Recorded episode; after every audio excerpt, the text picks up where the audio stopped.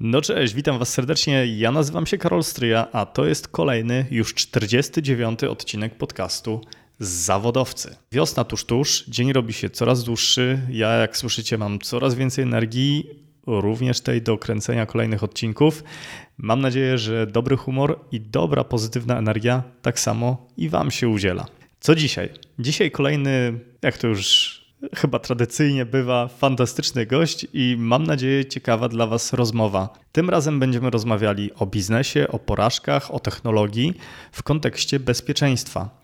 Bowiem Mateusz Chrobok, mój i Wasz dzisiejszy gość, jest pomysłodawcą i szefem startupu o nazwie Digital Fingerprints. Ten startup zajmuje się czymś absolutnie nietypowym, o czym wcześniej nie miałem bladego pojęcia, mianowicie zajmuje się bezpieczeństwem behawioralnym.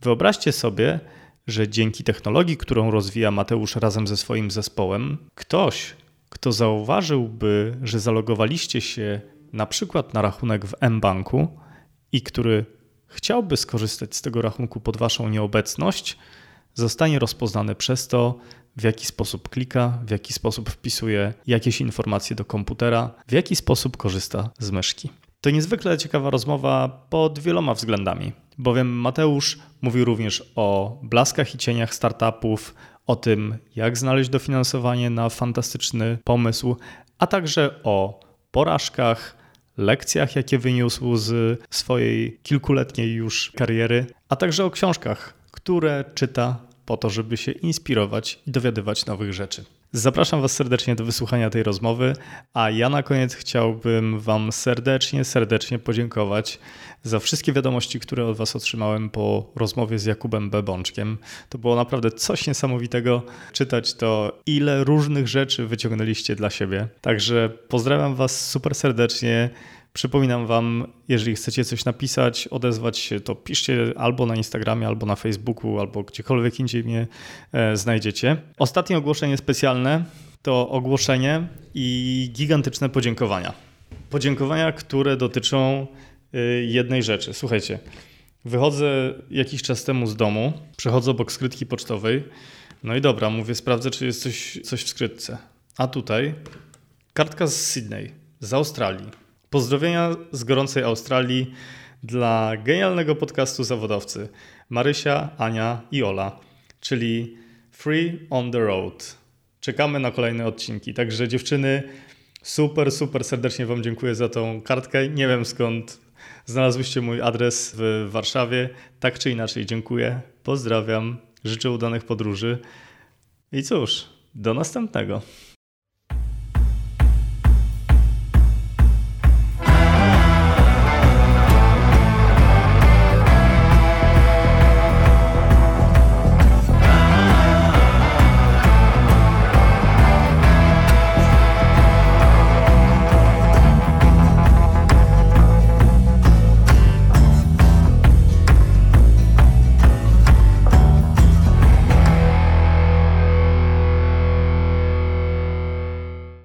Witam cię serdecznie Mateuszu. Bardzo dziękuję za przyjęcie zaproszenia. Mnie jest bardzo miło. Cześć Karolu. Mateusz, czy mógłbyś się przedstawić, powiedzieć, e, co robisz, czym się zajmujesz i w sumie dlaczego tutaj jesteś, dlaczego rozmawiamy? to Od jest strony zawodowej. Jasne. To jest kawał historii, także tak, na początku bardzo oficjalnie nazywam się Mateusz Chrobok, jestem prezesem Centrum Bezpieczeństwa Cyfrowego SA. A tak zupełnie mniej oficjalnie to e, prowadzę startup, który zajmuje się biometrią behawioralną. Nazywa się to ładnie Digital Fingerprints i mam grupę znajomych, w pewnym sensie przyjaciół, kolegów, z którymi zacząłem, którymi ufam i zajmujemy się cyberbezpieczeństwem. To jest taka bardzo modna branża w tej chwili. Znaleźliśmy sposób, przynajmniej tak nam się wydaje. Ale, ale, ale, ale, ale. Chyba, no, słuchaj, Pamiętajmy o tym, że nasza rozmowa jest słuchana przez ludzi, którzy niekoniecznie znają się na digitalu, a zastosowałeś takie określenie jak bezpieczeństwo behawioralne. Jeżeli mm. moglibyśmy robić takie małe dygresje, Pewnie, tylko tłumaczyć zawsze to, yy, będzie wiesz, o czym będziemy rozmawiać, więc Pewnie. czym to bezpieczeństwo behawioralne w ogóle jest? W dzisiejszych czasach jest mnóstwo potykaczy. Jak wchodzisz, nie wiem, do, do, w miejsca, gdzie potrzebujesz zabezpieczyć swoje cyfrowe zasoby, czy to są zdjęcia, czy to są jakieś twoje pliki, czy to są pieniądze w banku, to wymaga się od użytkowników, żeby korzystali z jakichś tokenów, przypisywali kody, SMS-y i inne rzeczy. No, jest to słabo wygodne, nie? Więc stwierdziliśmy, że można to zrobić w inny sposób. Twoje zachowanie, czyli sposób, w jaki wchodzisz w interakcję z urządzeniami, z komputerem, ze smartfonem, jest charakterystyczne nie mówię unikalne, bo to jest bardzo duże słowo, ale jest charakterystyczne i wystarczająco charakterystyczne, żeby rozpoznać ciebie od kogoś, kto ukradłby ci potencjalnie twoje konto loginy i hasła, dlatego mówię cyberbezpieczeństwo, prędzej czy później są łamane, albo wiesz, użytkownicy używają hasła typu e, super bezpieczne hasło jeden w wielu, wielu serwisach, więc one wyciekają. A my dostarczamy taką niewidzialną jakby warstwę zabezpieczeń, która jest oparta tylko na tym, jak się zachowujesz. Mhm. Tu jest taka właśnie nowość, dzięki której no nie musisz nic zrobić więcej. Wystarczy, że jesteś sobą i już na tej podstawie jesteśmy w stanie stwierdzić, czy to jesteś ty, czy to ktoś, kto próbuje się pod ciebie podszyć. No ale to co, to przyszłość jest taka, że nie będziemy używać haseł, tylko maszyny będą nas rozpoznawały po tym, w jaki sposób się zachowujemy? Troszkę tak, to znaczy, wiesz, to jest futurologia. E, taki Gartner popełnił taki artykuł, gdzie napisali, że w 2022 e, hasła zastąpią zupełnie, e, przepraszam, biometria behawioralna zastąpi hasła, tak? Także nie będziemy więcej korzystać z haseł. Wyobraź sobie sytuację. W sumie teraz jesteśmy na etapie zastąpienia hasła twarzą, tak? E, twarzą, odciskiem palca, e, tym jaki masz wzór tęczówki, ewentualnie, wiesz tam, dużo jest tych takich cech biometrycznych, ale przy tych cechach biometrycznych, które wiesz, masz dzisiaj w telefonach, bo są bardzo popularne, szybkie, tanie, e, jest jeden zasadniczy problem. One są niezmienne. To znaczy, jest taki przykład, który był pokazywany na którejś z konferencji CCC, E, gdzie wiceminister obrony Niemiec, której zrobiono zdjęcie odcisków palców, tak? E, I to było zdjęcie wysokiej rozdzielczości gdzieś tam z daleka. Na podstawie tego zdjęcia odtworzono jej odciski palców i odblokowali jej telefon. No, zmiana odcisków palców dzisiaj to jest część, która jest bolesna, nie? Jak ktoś raz poznaje i będzie w stanie odtworzyć, zrobi coś w twoim imieniu, a nie chcemy używać gdzieś tam kwasu czy innych metod, żeby tych odcisków się pozbywać. Nie mówiąc już o tęczówce czy czymś innym, więc przy takiej biometrii twojej fizycznej problem jest taki, że to jest niezmienne. Jak ktoś raz ci to ukradnie, jest bardzo trudno. To, to trzeba bardzo chronić, trzeba bardzo na to uważać. Przy biometrii behawioralnej, czyli twoim zachowaniu, no powiedz mi, ile razy w tygodniu jesteś bardziej zestresowany albo zmęczony? Zmieniasz się. No to się zmienia wszystko. No właśnie. I to jest, to, jest, to jest klucz, który pozwala w pewien sposób zachować pewną równowagę między prywatnością a skutecznością, bo y, każdy z nas zmienia się w jakichś, że tak powiem, rytmach, ma i to, i to jest cecha w pewien sposób charakterystyczna. My podążamy za tą zmianą i ta zmiana staje się częścią czegoś, co nazywamy model behawioralny. To jest taki model matematyczny, który odzwierciedla twoje zachowanie. Im więcej wiemy o tobie, w takim sensie, że więcej widzimy twojego zachowania, nie tego, co robisz, ale jak robisz, tym lepiej jesteśmy w stanie odzwierciedlić e, to, jak działasz i lepiej zabezpieczyć twoje konto, gdziekolwiek ono jest. No tak, zresztą to, e, to jest tak, jak rozmawialiśmy, na tej zasadzie działa ta sztuczna inteligencja, o której się tak dużo mówi. Tak, to znaczy, że zbiera... bardzo sztuczna. Dobrze, wracając teraz do mojego pierwszego pytania Jasne. E, o ciebie i o firmę. E, jeżeli mógłbyś powiedzieć, jakie w ogóle były koleje tego, że robisz to, co robisz i jesteś w tym miejscu, gdzie, e, gdzie teraz? Ja miałem taką niesamowitą przyjemność, że dużo, dużo przyszło możliwości dookoła mnie i polatałem troszkę po świecie. Wcześniej... Ale, zaraz, zaraz, a skończyłeś jakie studia? Dwie magisterki inżyniera, że tak zażartuję, MSc kwadrat. E, na Politechnice Śląskiej automatykę i robotykę, komputerowe systemy sterowania. Bardzo fajna specjalność. To było coś, co na początku myślałem, że pójść na informatykę, ale zawsze jarały mnie rzeczy, które są związane z takim fizycznym od, od reakcją na świat, nie? Czyli mhm. automat, który tyka, automatyka, to brzmiało fajnie. E, nie chodzi o zegarki oczywiście. A ostatni rok to było dla mnie magisterka e, podwójna na Cranfield University, czyli takiego jednego, jedynego uniwersytetu, który ma swoje własne lotnisko, gdzie budowałem lokalną chmurę obliczeniową. Tam też korzystałem z chmury Oxfordu, bawiłem się w różne rzeczy z przetwarzaniem. I to tak, tam, tam jest też MSc, czyli Master of Science, mhm. czyli po naszemu magisterka. To takie chodzi, chodzi o studia. Zaproponowano mi nawet, żeby zostać tam na doktoracie, ale przyznam szczerze, że jestem bardzo family guy i ciągnęło mnie, żeby powrócić. Mhm. Tak, jeżeli chodzi o doświadczenie takie y, naukowe. Y, patrząc na, na, na pracę, tak, to tak. miałem wcześniej 5 lat doświadczenia w Samsungu. Zaraz po powrocie ze studiów Samsung był jakby jednym z pracodawców, który gdzieś tam wszedł ze mną w interakcję. Byliśmy ze sobą przez ponad 5 lat. Zwiedziłem trochę krajów na świecie, muszę przyznać, razem z Samsungiem. Była okazja być i na Bliskim Wschodzie, i często w Azji, i w Stanach, i poplatać po Europie. Y, bardzo duża różnorodność i bardzo duża różnorodność tego, z jakimi ludźmi się spotykałem i czego oczekiwali, na pewno rozbudziła umiejętność jakiegoś takiego odczytywania ludzi, w takim sensie budowania empatii, budowania zrozumienia i zauważania wspólnych problemów. Mhm. Bezpieczeństwo to jest wspólny problem, w takim sensie, że w dzisiejszym świecie zupełnie inaczej patrzy się na każdą złotówkę, którą wydajesz gdzieś tam na bezpieczeństwo w momencie, kiedy nic ci się jeszcze nie stało, ale wyobraź sobie sytuację, że to są jakieś tam twoje ostatnie pieniądze, nie wiem, na koncie przed wypłatą i nagle zniknęły i ty zupełnie nie wiesz, co się stało, nie? To jest tak jak z ubezpieczeniem, lepiej przed... Przyznam, że raz padłem, padłem ofiarą kradzieży. O, co to było? Opowiedz. Wiesz co, zczyszczono mi kartę do, doszczętnie e, kredytową, ale całe szczęście była ubezpieczona, więc, więc wiesz, udało się środki... Mądry przed szkodą, proszę. no, zaraz po tym zmniejszyłem limit na karcie. A tak, tak, tak. To e, minimalizacja skutków jest bardzo ważnym tym. Jest to, jest to ciekawy element, bo wiesz, to osoby, które są świadome jakby tego, co dzieje się w dzisiejszym świecie, zapobiegają pewnym takim sytuacjom. Nie? Nikt nie chciałby się obudzić z ręką w nocniku. Stąd pomysł jest taki, jeżeli chodzi o bezpieczeństwo, że musi być to coś, co jest publicznie dostępne dla każdego. Nie może być to ani drogie, nie może być to trudne do wykorzystywania, a bardzo często te rozwiązania są no, trudne. Musisz nosić jakieś tokeny, gubi się je, mhm. musisz przepisywać jakieś kody. To jest nieprzyjemne, nie? Więc tak troszeczkę znowu przeskakuję po temacie naturalnie, natomiast samo to, kim jesteś, to jest taki pomysł, który zrodził się gdzieś tam pod koniec mojej pracy z Samsungu. E, spotkałem ludzi, którzy tam jakieś szkolenie zrobiłem, bodajże z kryptografii czy z czegoś takiego e, w mBanku. Spotkałem tam człowieka, Jarka, którego serdecznie pozdrawiam, e, który pociągnął, że tak powiem, temat mojego pomysłu i ich możliwości. Następnie został, dowiedziałem się, że mBank właśnie zakłada fundusz inwestycyjny i tak powstało Digital Fingerprints, czyli nasza marka Centrum Bezpieczeństwa Cyfrowego, które zajmuje się właśnie biometrią behawioralną. Udało mi się namówić kolegów, z którymi jakby współpracowałem przez lata, którymi ufam do tego, żebyśmy zaczęli. I w tej chwili już jesteśmy drużyną no, 10 osób, która działa przy naszym produkcie. No dobrze, ale czy mógłbyś opowiedzieć, y, Mateusz, od kuchni, jak wygląda budowa takiego startupu? W sensie spotkaliście się, powiedzieliście, no dobra, mamy fajny pomysł i tak dalej, no ale żeby współpracować z bankiem trzeba mieć coś więcej niż tylko i wyłącznie oczywiście. fajny pomysł, prawda? Nie, nie, no oczywiście. I czy mógłbyś zdradzić po prostu, wiesz, naszym słuchaczom, którzy pewnie mają różne dziwne wyobrażenia y, na temat startupów i tego, w jaki sposób właśnie y, podpisuje się umowy o, wiesz, finansowanie i tak dalej, i tak dalej. Na ile to wszystko może być mglistym pomysłem, a na ile tak. musi być rozwiązaniem, które w pewien sposób już, już działa. To znaczy, y, to ja, mam, ja bym użył takiego stwierdzenia, o którym tam wcześniej mieliśmy okazję rozmawiać, że to wszystko jest pewne zaufanie, bo y, jako osoba budzisz zaufanie tym, jakie masz doświadczenie, co wcześniej zrobiłeś i wszystkimi takimi cechami, na które ktoś będzie w stanie cię oceniać.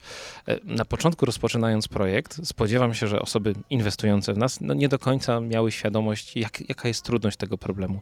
Ja po kilku latach spędzonych w R&D, gdzie nie uważam się za człowieka, który jest alfą i omegą, e, wiem, że złożoność jakby tego, co robimy jest, jest bardzo duża. Więc na początku nie jesteś ewaluowany za to, co zrobiłeś, bo jeszcze jesteś na początku ścieżki, tylko za to, co zrobiłeś wcześniej, jakie jest twoje doświadczenie i jakie wzbudzasz zaufanie tym, że będziesz w stanie to zrobić. Więc osoby, które. No ale to daje ci powiedzmy 6 miesięcy, czy tam. To daje chwilę, tak. Mhm. To daje taką chwilę na rozpędówkę, nie? To z mojej perspektywy to wygląda tak, że. Yy, musisz pokazać, że wiesz, jak to się je i jakie są tam przede wszystkim problemy. Jak już zbudujesz sobie pierwszy szkielet, i to jest to takie dążenie do MVP, minimum viable product, tak? Pokaż, że potrafisz zrobić cokolwiek demo. Jeżeli uda ci się udowodnić, że to funkcjonuje i że to no, nie jest ściema, że ktoś tam siedzi i klika jakieś guziki z tyłu, tylko rzeczywiście to działa, to znaczy, że wiesz, jak to, jaki, jaki jest problem. I przy okazji tego MVP identyfikuje się, przynajmniej to jest mój experience bias, to jest takie moje doświadczenie, które wpływa na, na, na tą opowieść, identyfikujesz największe problemy. Mhm. Czyli na przykład koszt, jakieś tam czasy opóźnienia, te takie cechy, które na pewno wiesz, że będą ważne, ale jeszcze nie wiesz, jak, jak ukształtują to wszystko. Ale wracając do twojej historii, mhm. mógłbyś się podzielić, jak to, jak to wyglądało tak od, od strony kuchni? Waszej firmy? Znaczy, no, mhm. odchodzisz z Samsunga i już mieliście ten właśnie MVP tak jest y, stworzone, czy... Nie, nie. W tej chwili, na tym etapie jeszcze nie mieliśmy MVP. W momencie, kiedy ja odchodziłem z Samsunga, to już tak, że tak powiem, nocami po godzinach pracowaliśmy z chłopakami nad e, tak naprawdę projektowaniem. To była taka faza bardzo intensywnego zmużdżania się. Co, w jaki sposób, w jaki sposób zbierać dane, przetwarzać je, jak to robić. Nie, nie wiedzieliśmy jeszcze ani jakie będą jakości, ani czy zupełnie to będzie sensowne, czy to będzie miało, wiesz, światełko w tunelu, tak? Więc to są trochę takie ruchy, w których były wszystkie, ręk, wszystkie ręce na pokład i brak strachu przed porażką. To znaczy, zrobiliśmy mnóstwo głupich rzeczy. Początki takie wyglądały fizycznie w ten sposób, że e, ja pracuję na stojąco w większości przypadków, mam po której chodzę i przed sobą mam komputer. Koło mojej bieżni w domu, gdzie jakby chodzę, tak, na początku były serwery, które no w lato to tam bardzo mocno zagrzewały mi, że tak powiem, atmosferę. Natomiast e, był taki moment, że tam jeden z, z jednym z nich coś się stało, straciliśmy trochę, trochę naszych danych, gdzieś tam mieliśmy backupy, więc odzyskaliśmy. Natomiast historia jest trochę garażowa z tą różnicą, że to stało u mnie koło bieżni. Jak zrobiliśmy troszeczkę błędów, po, poodbijaliśmy się od kilku pomysłów, następuje weryfikacja. I ta weryfikacja tego MVP jest taka ważna, że przychodzi teraz ktoś, kto potencjalnie byłby zainteresowany kupieniem mówi, to jest dla mnie ważne albo to nie jest ważne. I taki kierunek, taka osoba, która wspomaga cię w wyborze kierunku, żeby znaleźć produkt. To był M-Bank w, to w waszym przypadku? Konkretnie, konkretnie jakby e, szef bezpieczeństwa w M-Banku, który jest takim naszym patronem, jeżeli chodzi o wsparcie. Nie?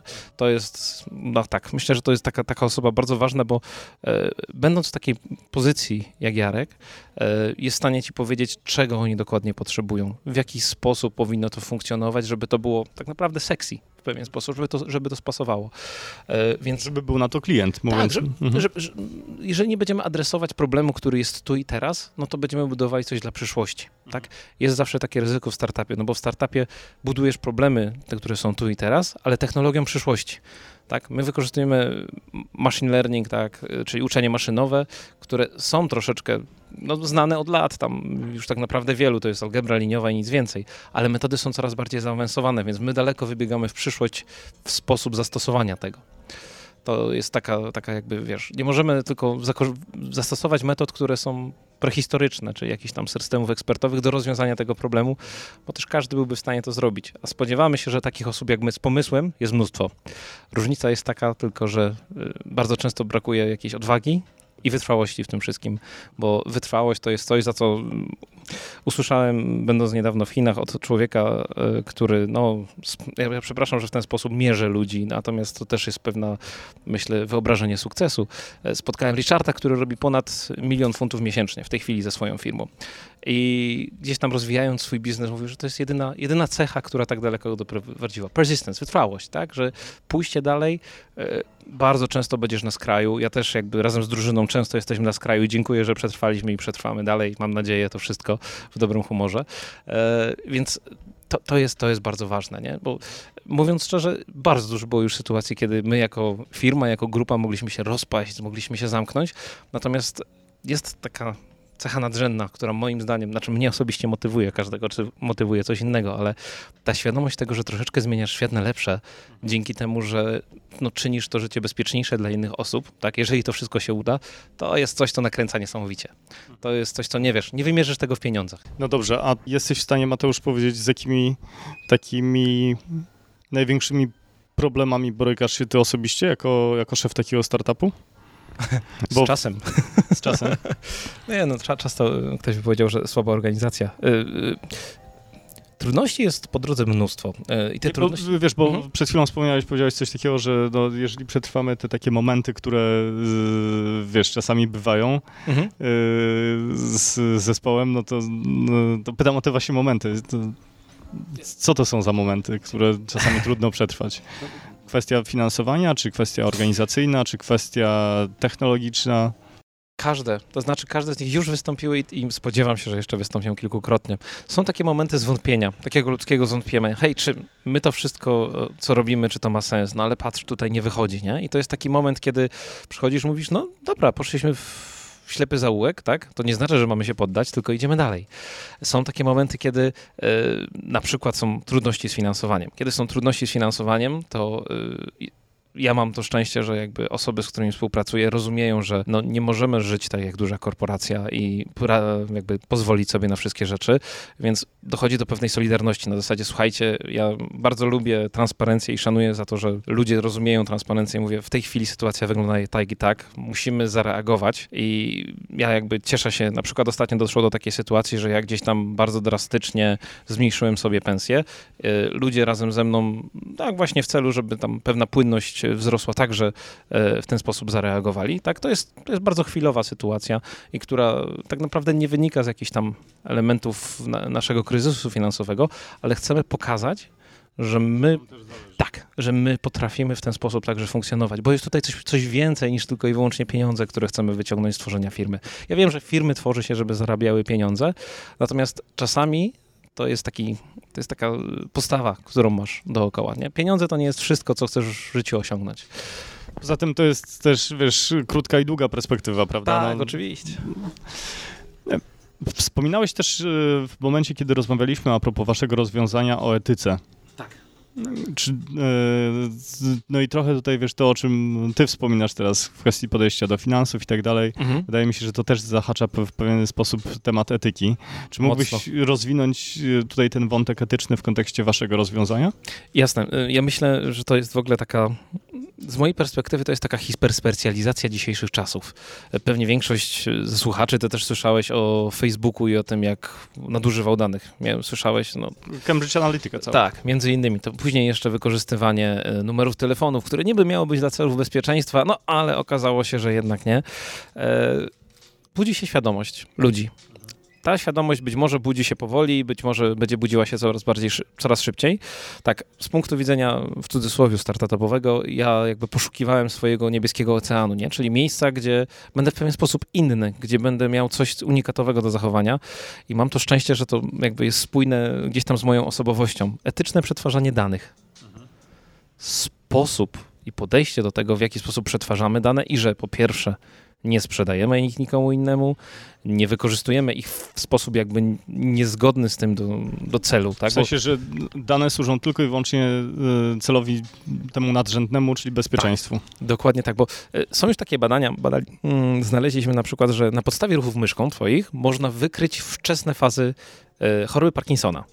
I teraz e, ja osobiście stanąłem przed takim etycznym problemem, no to kurczę, gdybyśmy mieli, kiedy już mamy dostęp do takich danych tak naprawdę, tak? I sprzedałbyś to na przykład firmie ubezpieczeniowej, No właśnie która... nie, to jest, to jest, najgorszy przypadek. No jakby firma no, ubezpieczeniowa... O, o, o mówię, no. Tak, tak. Znaczy można by na tym zrobić pieniądze, duże pieniądze spodziewam się, tak? Natomiast ja bym się z tym czuł źle i prawdopodobnie gdyby doszło do czegoś takiego, to rezygnuję z firmy, tak? W sensie y, takie brutalne I drop the mic i wychodzimy. E, w momencie, kiedy y, przeczytałem o tych badaniach, to moja pierwsza reakcja była taka, kurczę, ale możemy takim ludziom pomóc.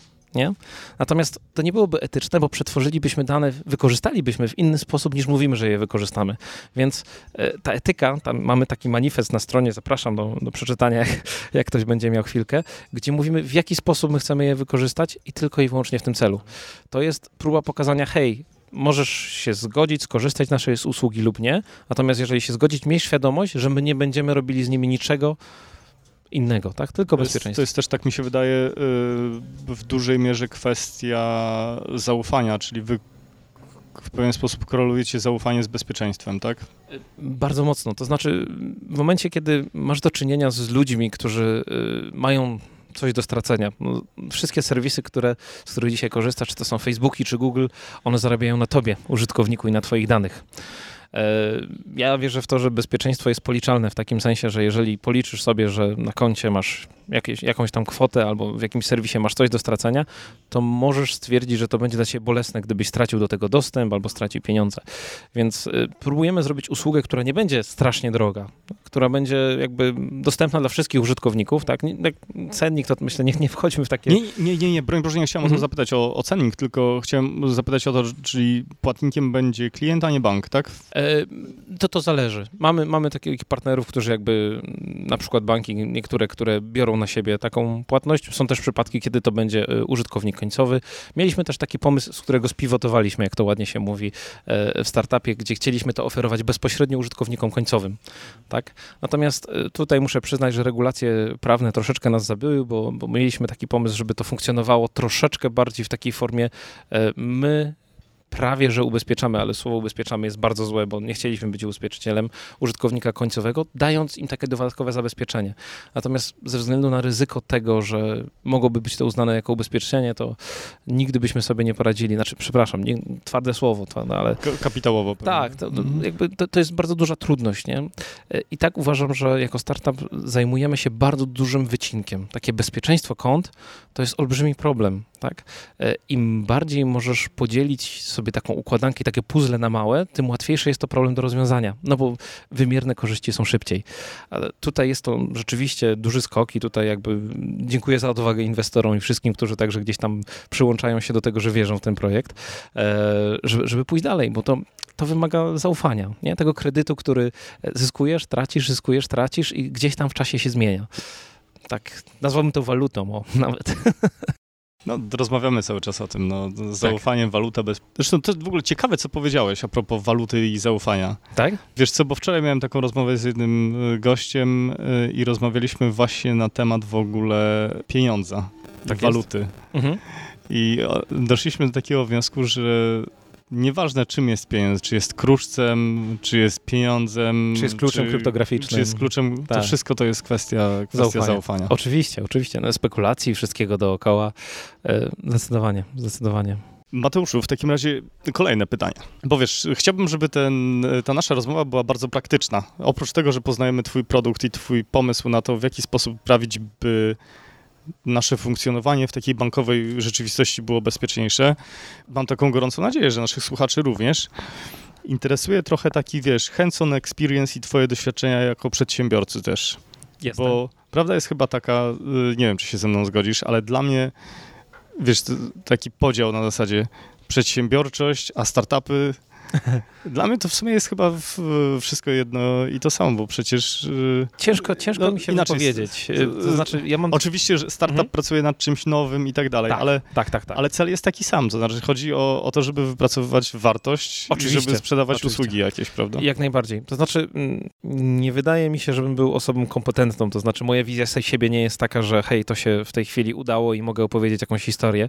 Jest mnóstwo osób, które mają taki experience bias, jak się to się ładnie Ale mówi. słuchaj, mi właśnie y, Mateusz, mnie interesuje twoja perspektywa. Okej, okay, moja perspektywa. Jasne. Nie chodzi o to, żebyśmy tutaj, mnie interesujesz ty i twoje doświadczenia.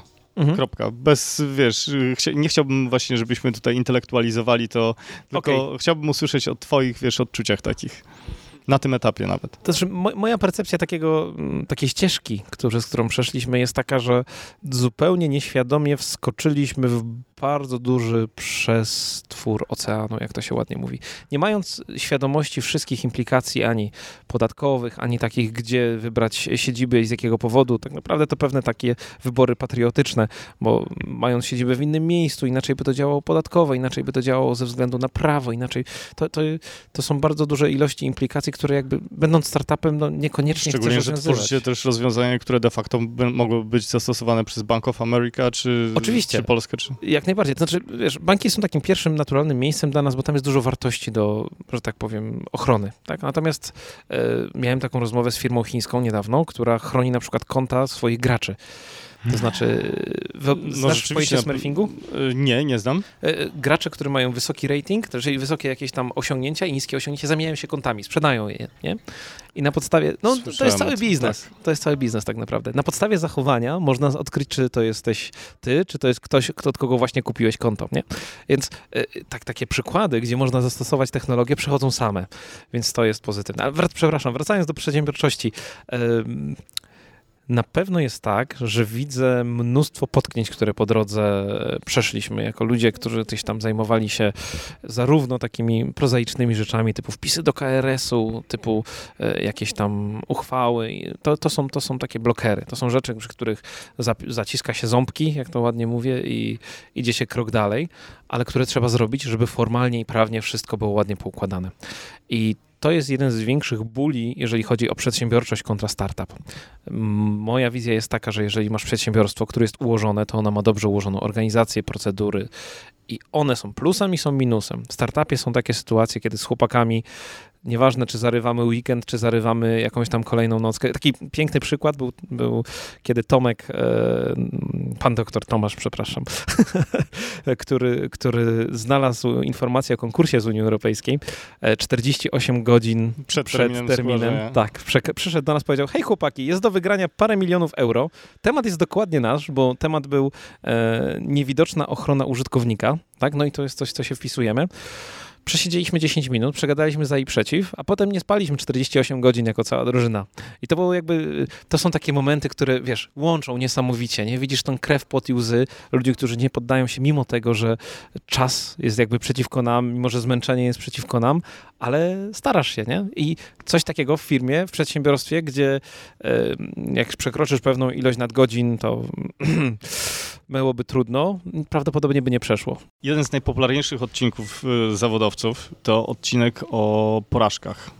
Tak. Moglibyśmy zgłębić jeszcze ten, ten temat? Z przyjemnością, z przyjemnością. Znaczy, wiesz co, y, o porażkach to jest taki, mm, taka trudność, jeżeli chodzi o mówienie, że bardzo dużo ludzi mówi, że nie ma z tym problemu, ale jednak boi się przyznać do tego, jakie porażki popełniła. Ja myślę, że jakby z perspektywy tego, co wiem dzisiaj, która jest zawsze przyjemną perspektywą, zrobiłbym milion rzeczy inaczej. Ale i to strasznie uderza gdzieś tam w takie swoje, jach, kurczę, ale byłem głupi, ale podjąłem decyzję. A dlaczego podjąłem decyzję o tym, żeby w taki, a nie inny sposób to ułożyć? A czemu ja tego nie wiedziałem wcześniej? Bo nie wiedziałeś. Więc stan świadomości na dzisiaj mój jest taki yy, i to też mamy takie rozmowy gdzieś tam w drużynie, gdzie no, jak to ładnie śpiewa Łona, gdyby, tak? To znaczy takie piękne słowo, że gdybyśmy to wcześniej wiedzieli, to pewnie byśmy inaczej postąpili. Natomiast i ja doszedłem gdzieś tam w swojej ścieżce jakby takiej świadomości, samoświadomości do takiego momentu, że przyznaję sobie, że wedle mojej najlepszej wiedzy na chwilę obecną podejmuję najlepsze decyzje. Gdyby tak nie było, to podjąłbym inne decyzje. Dobra, ale wracamy, generalizujesz. Tak. A ja pytam o konkretne porażki. Czy mógłbyś się podzielić jakimiś takimi twoimi błędami, które teraz widzisz z perspektywy? Czego się z nich nauczyłeś? Z takich największych porażek, najciekawszych, w momencie, kiedy Wiesz, może nawet nie chodzi o samo to pojęcie porażki. Mhm. Chodzi o błędy, które, z których wyciągnąłeś wnioski, bo e, prawda jest taka, że e, słuchaj, jeżeli o tym opowiesz, to być może skorzystają z tego inni, jasne, no, jasne. inni ludzie. E, wiesz co, ja ulegam takiemu błędu percepcyjnemu, że mierzę bardzo, jak dużą część ludzi, mierzę ludzi swoją osobą. I bardzo często zdarzało się że tak, że spotkałem na swojej drodze osoby, które dawałem wolną rękę, mając świadomość, że na przykład są w stanie być na tyle samomotywowani, żeby dostarczyć pewne rzeczy w czasie, natomiast okazało się, że to w ten sposób nie funkcjonuje. I spotkałem, dla mnie to był pierwszy moment, kiedy tak naprawdę byłem w pewnym sensie pracodawcą, tak? I widzę teraz te różne rodzaje osobowości, i gdzie po jednej stronie są osoby, które działają świetnie, ale w momencie, kiedy je kontrolujesz, a z drugiej osoby są osoby, które są jakby takim czystym złotym, który, i tu pozdrawiam Łukasza ode mnie, który w momencie, kiedy okazało się, to był zeszły tydzień, że musimy przepiąć jakie takie nasze rozwiązanie chmurowe w ciągu tygodnia, co proponowaliśmy przez półtorej miesiąca, spakował swoje rzeczy, zamieszkał w biurze i powiedział, ja stawiam swoją głowę pod topór, ja to zrobię. I zrobił to. I jakby wiesz, w momencie jakby to we mnie wzbudza bardzo silne emocje, bo taki, takie coś nie zdarza się codziennie, że bierze ktoś, kto po prostu tak się, tak się zagina, że weźmie i to zrobi. I buduje mi się profil osoby, z którym, osób, z którymi chciałbym współpracować w długim takim profilu. Nie? To nie są osoby, które muszą przychodzić do pracy na 8 godzin i nie, na szczęście tej, tego błędu akurat nie popełniłem. Na początku gdzieś na, na nasze reguły były zawsze takie otwarte, że hej, przychodzisz kiedy chcesz, wychodzisz kiedy chcesz, robota ma być zrobiona. Ale stwierdzenie, co znaczy robota ma być zrobiona, było niezdefiniowane. I to jest kolejna porażka, bo y, dla mnie, kiedy robota jest zrobiona, to system działa, tak? Dla kogoś innego działa, ale w określony sposób, a jeszcze dla kogoś innego ta definicja jest inna. No i potem dochodzimy do czegoś takiego, jak wiesz, jak to zwykle bywa w komunikacji między ludzi. A ja oczekiwałem, że to będzie działało tak, a ja w ten sposób. No więc okazało się, że w tym takim natłoku, w tym tempie prac tak naprawdę, nie zdefiniowaliśmy sobie pojęć. Jak to rozwiązaliście? E, no tutaj, że tak powiem, przyszli e, na pomoc koledzy, którzy mają więcej doświadczenia, e, czyli właśnie Krzysiek, Tomek, którzy opowiedzieli o tym, jak na przykład w Scrumie jest takie definition of done, gdzie stwierdziliśmy sobie wspólnie, hej, co to znaczy, że zadanie jest skończone? Oczywiście, czasami to delikatnie jeszcze pływa, nie jest to idealne, natomiast zawsze na początku każdego zadania jest takie wymaganie, hej, zadanie jest uznawane za skończone, kiedy? To, to i to. I wtedy nie ma, że a ja nie wiedziałem, a ja to rozumiałem inaczej. I druga zasada, która jest zasadą pomoczniczą, bo czasami naprawdę dynamika, w której pracujesz jako startup jest, jest olbrzymia, więc to się nazywa przełączenie kontekstu. Rzucasz wszystko, robisz coś innego, znowu rzucasz, znowu jeszcze coś ważniejszego rzucasz i potem to zwijasz. Natomiast to na jest kosztowne. na każdej linii frontu musisz być aktywny. Tak, tak, dokładnie. I to wiesz, tutaj dzwoni klient, tutaj coś się posypało e, i teraz zapomnisz o tym, tak? Jeżeli osoba teraz przyjmuje takiego taska, przychodzi do tej sytuacji, że kurczę, ale ja nie rozumiem, co ty masz na myśli, to jej obowiązkiem jest przyjść do ciebie i powiedzieć, hej stary, y, ja pamiętałem ten kontekst, ale stało się tyle, że ja jakby nie pamiętam, weź mi wytłumacz jeszcze raz. I to jest coś, gdzie y, jakby kolejna porażka, o której chciałem powiedzieć, przeszliśmy z organizacji jako startup, która na początku funkcjonowała świetnie zdalnie, do siedzenia w jednym miejscu. Ja to trochę porównuję do takiego, wiesz, gniazda os, bo w momencie, kiedy podejmujemy jakieś decyzje, podejmujemy jakieś ważne rozmowy, warto jest być na miejscu, mieć olbrzymią tablicę, gdzie rysujemy sobie rzeczy, przegadać, pokazać, przemyśleć hipotezy i od razu na miejscu. Tak, i to, to jest jakby. się ten pomysł. E, I od razu widzisz, e, nie musisz kończyć zdania, widzisz reakcje ludzi, którzy, wiesz, pracowali przy jakimś kawałku i domyślają się, jak coś funkcjonuje, to niesamowicie przyspiesza pracę.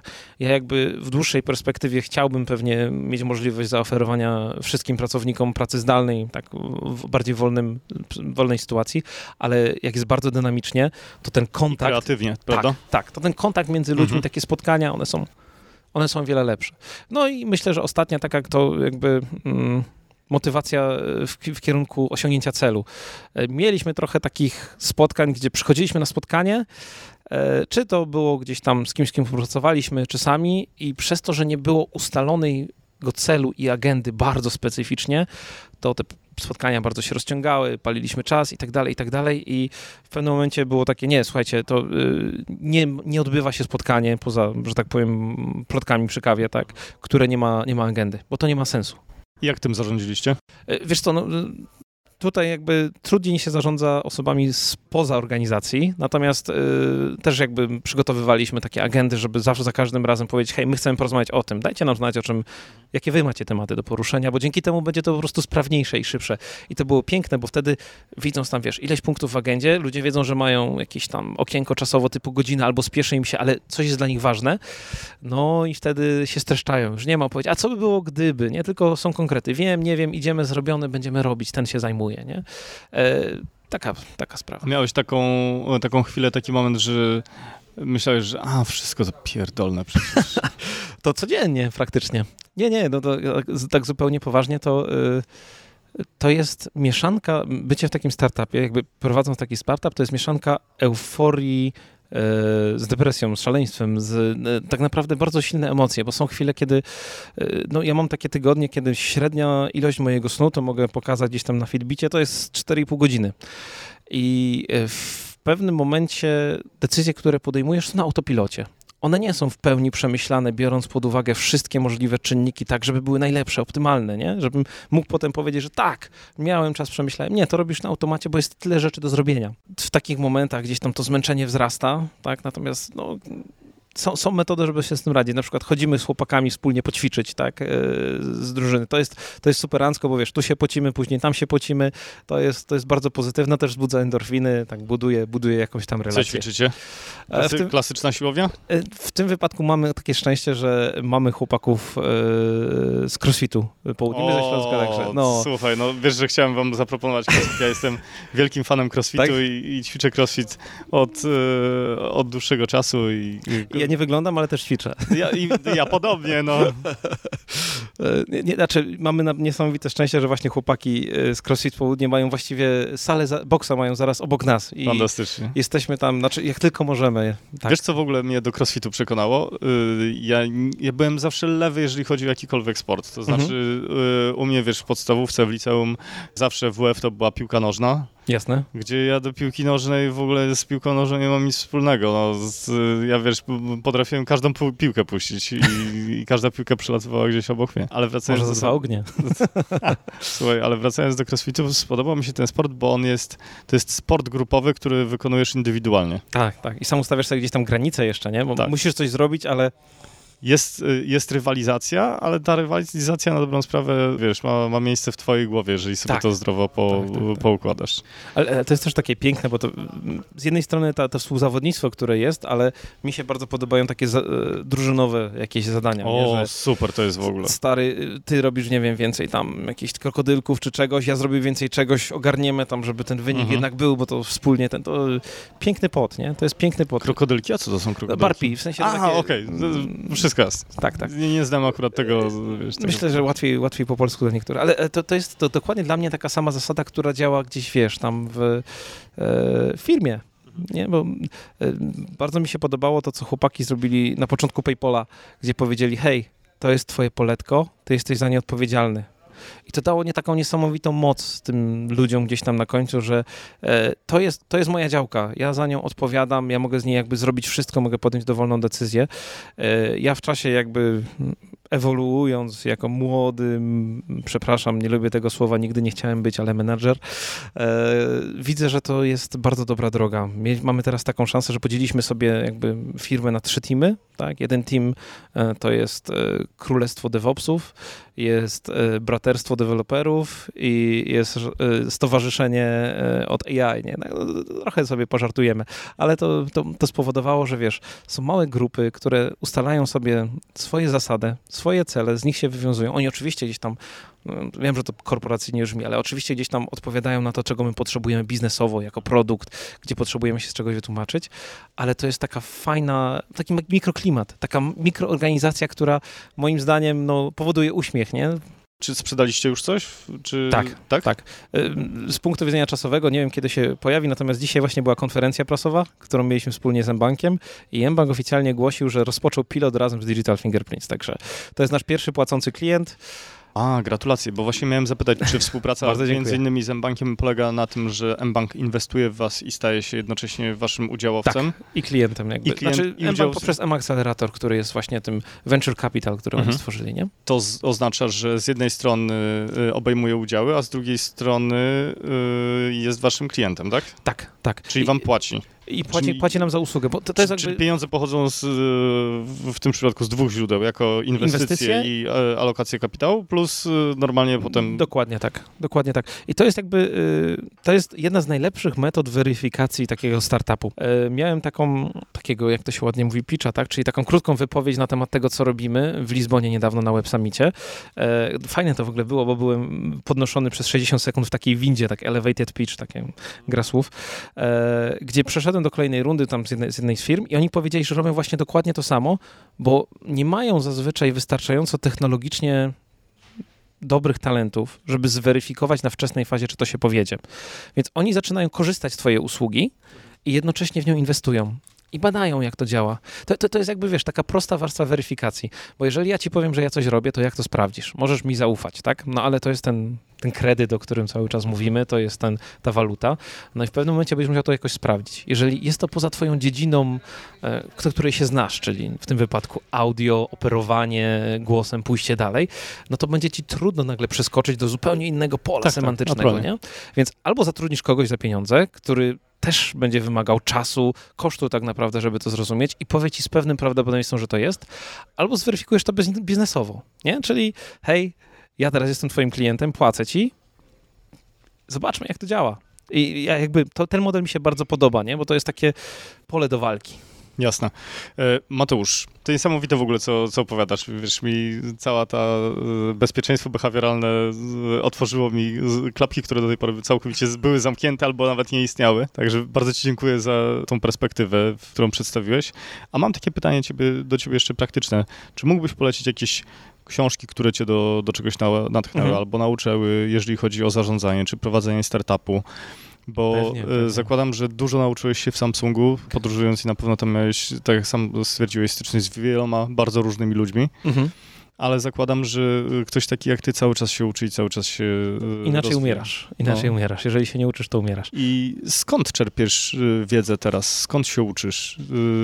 To znaczy, wiesz co, to muszę z przykrością przyznać, że nie czytam w tej chwili tak wiele, jak czytałem wcześniej, ale takich parę pozycji, które dla mnie były naprawdę zmieniającymi życie i perspektywę, to przede wszystkim Kahneman, Daniel, Pułapki myślenia, które mówią o tym tak w dwóch słowach, że każdemu się wydaje, że myśli dobrze, a wpada w te wszystkie pułapki, e, w te wszystkie takie biasy, które powodują, że no, masz ograniczoną perspektywę, to pozwoliło mi ograniczyć zaufanie do samego siebie i lepiej wsłuchać się w inne osoby.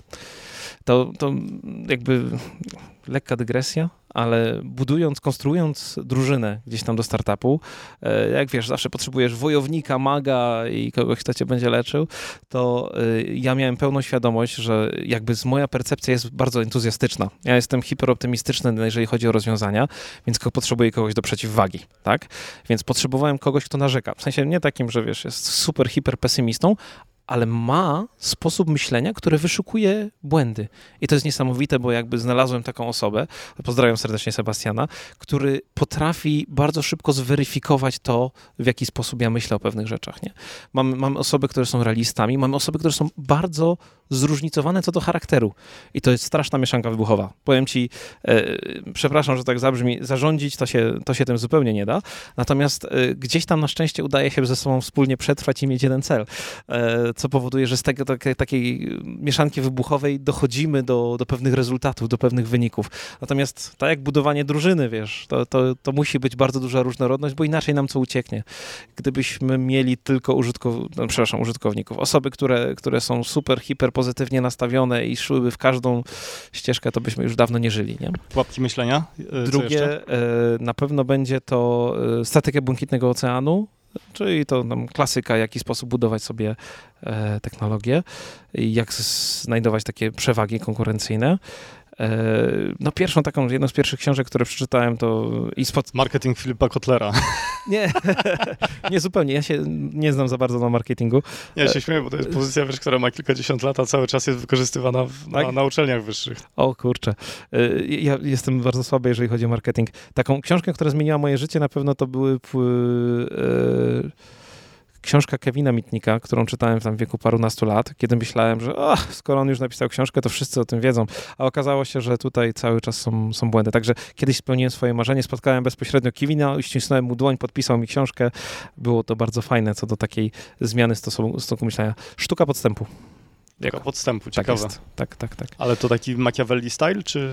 E, pokazała w jaki sposób ludzie e, ufają na podstawie tego, co się mówi, jak wzbudza się zaufanie. I dla mnie to był taki pierwszy moment, kiedy zacząłem sobie uświadamiać, tak, kiedy jeszcze miałem telewizor, e, że tak powiem, w domu. Kurczę, ale dlaczego ja bym miał wierzyć tym ludziom, którzy tam się uśmiechają i mówią, że to, że to naprawdę działa, skoro nie mam metody... Nie ma jednej prawdy. Dokładnie, więc to było dla mnie takie otwarcie kolejnych klapek przed oczami. E, tak, z takich pozytywnych rzeczy. Muszę ci zadać, y, Mateusz, jedno pytanie, które mnie intryguje od dłuższego czasu. Jestem fanem teorii w ogóle trzeciej strony. Y, nie wiem, czy, czy spotkałeś się z tym, w sensie trzecia strona, która nas ogranicza, albo jest pośrednikiem po prostu. Trzecia strona? Nie znam, nie znam. Trze... Mam liczbę 42, ale to nie to. Słuchaj, trzy... albo 44.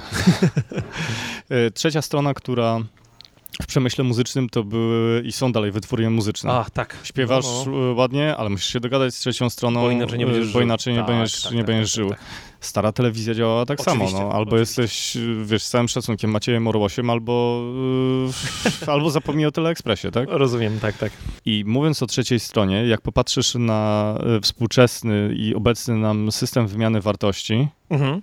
no to mamy bank, trzecią stronę, która emituje pieniądz, który jest nośnikiem naszego zaufania wzajemnego, tak? Czy tak, bo banki centralne, które są nośnikami, jak najbardziej, tak, tak, tak. Ale to jest, to jest, e, ja myślałem tutaj jeszcze o jednej trzeciej stronie, która troszeczkę pokazuje e, podejście, bo wartością dla mnie, taką mhm. która się pojawia, są własności intelektualne, czyli coś, co tworzysz, nie?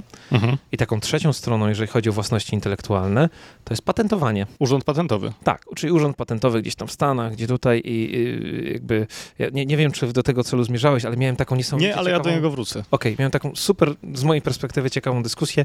Ja osobiście jestem przeciwny patentom.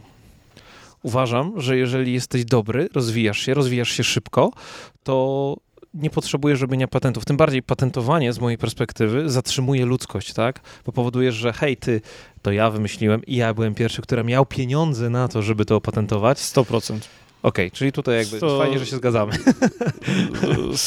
100%. No i wiesz, to chodzi też potem o to, zobacz, że patenty podnoszą ceny i tak dalej. No. E, podnoszą ceny. Jakby miałem taką dyskusję. Wygraliśmy jako y, top 15 startup z 1000 startupów w takim konkursie z Austrii.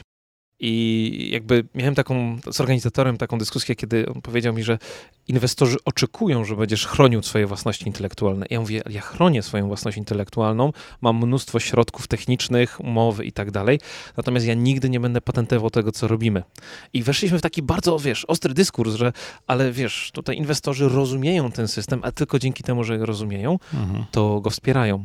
Natomiast wszystkie rzeczy, które są takie brakuje mi słówka, disruptive, e, czyli tak łamią, może tak powiem... Dysrupcyjne, sposób. tak? No, no, no, tak, może, może tak być. E, e, w takich, w takich środowiskach są właśnie z pominięciem tych trzecich stron, czyli dostarczenie muzyki bezpośrednio, nie wiem, przez Spotify'u do, do aktorów albo firm, tak? No i zobacz, że teraz rynek robi się B2C, tak? Tak, totalnie. Totalnie B2C. I wszyscy pośrednicy są powoli, w, przepraszam za wyrażenie, ale po prostu wykaszani przez to, że te tętniemy gdzieś tam po drodze są zupełnie niepotrzebne.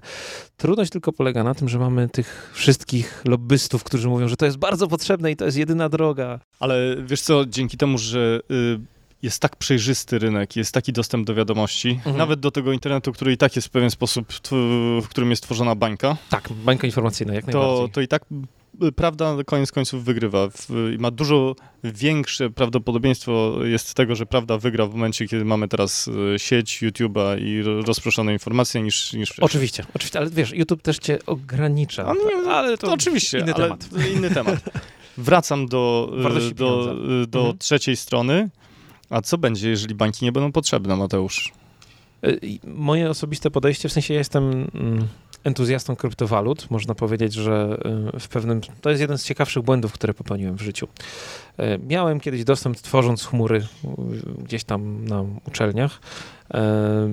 Dostęp Mogłeś do, kopać. Tak, dostęp do dużej ilości mocy obliczeniowych. No i na potrzeby pracy gdzieś tam magisterskiej wykonywałem obliczenia, gdzie porównywałem, ile tam jest, y, jaka, jaka jest moc, tak? Mhm.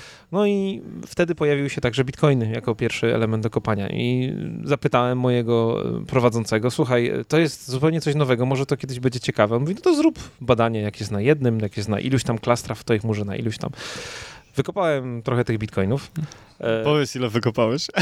Kilka, kilka. Nie, to był tylko test jakby, który był tak. testem naukowym, nie? Wykopałem kilka tych bitcoinów, e, po, po czym przeczytałem, że artykuł, w którym było napisane, że gościu za 10 tysięcy bitcoinów kupił sobie pizzę i stwierdziłem, o stary, to w ogóle nie no. to i nie mam. Także to jest jeden z ciekawszych, e, że tak powiem, błędów, które popełniłem, ale to wiesz, to ostatecznie byłyby tylko pieniądze. Dla dobra nauki e, pokazałem, w jaki sposób można skalować na przykład takie rozwiązania. Wracamy do pytania. Tak, ja wierzę w to, że e, gdzieś tam wartość przekazywana kryptowalutami, płatnościami takimi P2P jest, jest bardzo dużą wartością. Ja osobiście wierzę, jest dużo kryptowalut dookoła, tak? Ja przeczytałem tylko kilka specyfikacji technicznych z nich jest mnóstwo ludzi, którzy inwestuje w kryptowaluty, e, którzy nie rozumieją, jak one funkcjonują. W ogóle jakbyś przeczytał 90% ICO to jest jedna wielka A, oczy, jedna wielka ściana. Zgadzam się zupełnie. Ja, ja, ja, przeczytałem tylko kilka, bo nie miałem niestety więcej czasu. Dla mnie takim pozytywnym, nie wiem czy to reklama, czy nie, mogę, jest, jest Zcash, tak, który przeczytałem, zrozumiałem w większej części, tam, tam bardzo do mnie przemawia zero proof knowledge i podejście takie, że można jakby jakoś podejście kryptograficzne do tego do mnie przemawia, tak? Będąc w stanie zanalizować to nie w pełni, ale częściowo, spowodowało, że zaufałem temu. A jak zaufałem, to stwierdziłem, niech to ma odzwierciedlenie w rzeczywistych pieniądzach, które w to zainwestuję, nie? Tak. No i ale teraz tak jak myślę, bo zadałem ci pytanie takie, myśląc o tym, że banki nie będą potrzebne, ale mhm. tak czy inaczej będzie potrzebny interfejs, do którego będzie, yy, czy to będzie kryptowaluta, czy to będzie bank, to i tak w jaki sposób trzeba będzie w tym wchodzić w Komu interakcję. czemu zaufać? Ale nie wiem, czy słyszałeś, nie, przepraszam. Więc twoje rozwiązanie będzie i tak potrzebne. Tak, tak, tak. Natomiast Mhm. Bo bezpieczeństwo dostępu jest, jest uniwersalne bez względu na potrzebne. to, kto będzie tak, instytucją. Nieważne, czy chronisz swoje Mhm. zdjęcia, wideo, czy pieniądze tak, w internecie. Y, Jest takie, dla mnie jedna z takich większych przełomów, które właśnie nadchodzi, w tej chwili się dzieje, to jest znowu to angielskie słówko, ciężko mi je przetłumaczyć, to się nazywa self-sovereign identity. E, idea polega na tym, tak, w dwóch słowach, że masz instytucje, które mogą ci wystawić pewne poświadczenia, pewne certyfikaty. Czyli jeżeli ktoś by się zapytał mnie, ile mam lat, to takie poświadczenie, ile mam lat, może urząd y, miasta wystawić na przykład. Czy y, jestem y, kawalerem, może wystawić urząd stanu Stanu cywilnego. cywilnego. Czy mam na koncie jakąś tam zdolność kredytową, Tak, tak, tak. może wystawić bank, Tak. nie? Ale to jest piękne, bo, bo dostajesz bardzo konkretne pytania, do odpowiedzi na które są Uprawione określone organizacje. Dokładnie. I teraz dzięki temu ja nie potrzebuję powiedzieć, no, oddać całej historii mojego konta, żeby ktoś to ocenił, tylko uzyskać odpowiedź na pewne konkretne pytania. I te odpowiedzi na konkretne pytania są dostarczane przez pewne konkretne instytucje, więc to nie jest teraz tak, że potrzebujesz mieć, przepraszam, ale nie mam nic przeciwko podpisowi kwalifikowanemu i innym tego typu rozwiązaniom, które w pewnym sensie są wykorzystywane e, coraz bardziej powszechnie, tak? Natomiast e, możesz mieć bardzo wiele miejsc, które dostarczają ci różnych poświadczeń. Gdybyś potrzebował mieć informację o tym, jaki jest twój stan, ile gdzieś tam masz na koncie, gdzieś coś innego się dzieje, to wystarczą ci takie pojedyncze certyfikaty. To jest tak w przybliżeniu idea self-sovereign identity i ona jest dla mnie wielką rzeczą. Bardzo duża część z nich jest oparta e, na prywatnych blockchainach. Gdzieś tam pierwsze estońskie instytucje, z tego co dobrze pamiętam, w Monachium miałem taką fajną rozmowę z ludźmi, którzy to implementowali, stosują. I to jest o tyle wspaniałe, że w dobie ochrony tego, co jest bardzo cenne z mojej perspektywy, czyli Twoich danych osobowych, Ty nie musisz oddać od siebie wszystkiego, tylko o to, co jesteś pytany. I takie poświadczenia, w szczególności o to, co jesteś pytany, odpowiedzi na konkretne pytania, dla mnie są przyszłością. Bardzo, bardzo lubię jakby ten temat, bo dla mnie zwiększa on bezpieczeństwo nas wszystkich. Daj mi przykład konkretny, bo ja, ja muszę na konkretnym przykładzie zawsze Jasne. Y, pracować. E, powiedzmy, że ubiegasz się o pracę. Mhm. tak? I na podstawie y, masz formularz, w którym gdzie musisz podać informację pod tytułem hej, czy rzeczywiście nazywasz się tak, jak nazywasz, czy masz tyle lat, ile masz, y, jaki jest twój, no ten sam przykład, jaki jest twój stan cywilny i czy nie masz zadłużenia na koncie, nie? I teraz zamiast robić wydruki, pytać instytucji, brać pieczątki, ty pobierasz sobie poświadczenia, czyli ty masz swój klucz prywatny, który identyfikuje bezpośrednio gdzieś tam, znaczy klucz prywatny nie identyfikuje, ale który potwierdza, że jesteś sobą i zwracasz się w swoim imieniu do banku, mówiąc hej, proszę o potwierdzenie, które mówi, że nie mam w tej chwili zadłużeń, nie? Oni podpisują to sobie po swojej stronie i dostajesz taki certyfikat, że nie masz zadłużeń. Tam nie jest napisane, kim ty jesteś. Tam jest napisane, że nie masz zadłużeń i tyle. Dla twojego konkretnego, tak, dla twojego konkretnego zapytania. Ty dostarczasz to do tego wniosku, tak? I już masz pierwszy klocek. Drugi klocek jest taki, dobra, to proszę teraz Urzędzie Stanu Cywilnego potwierdzić, że jestem w takim, a nie innym stanie, nie?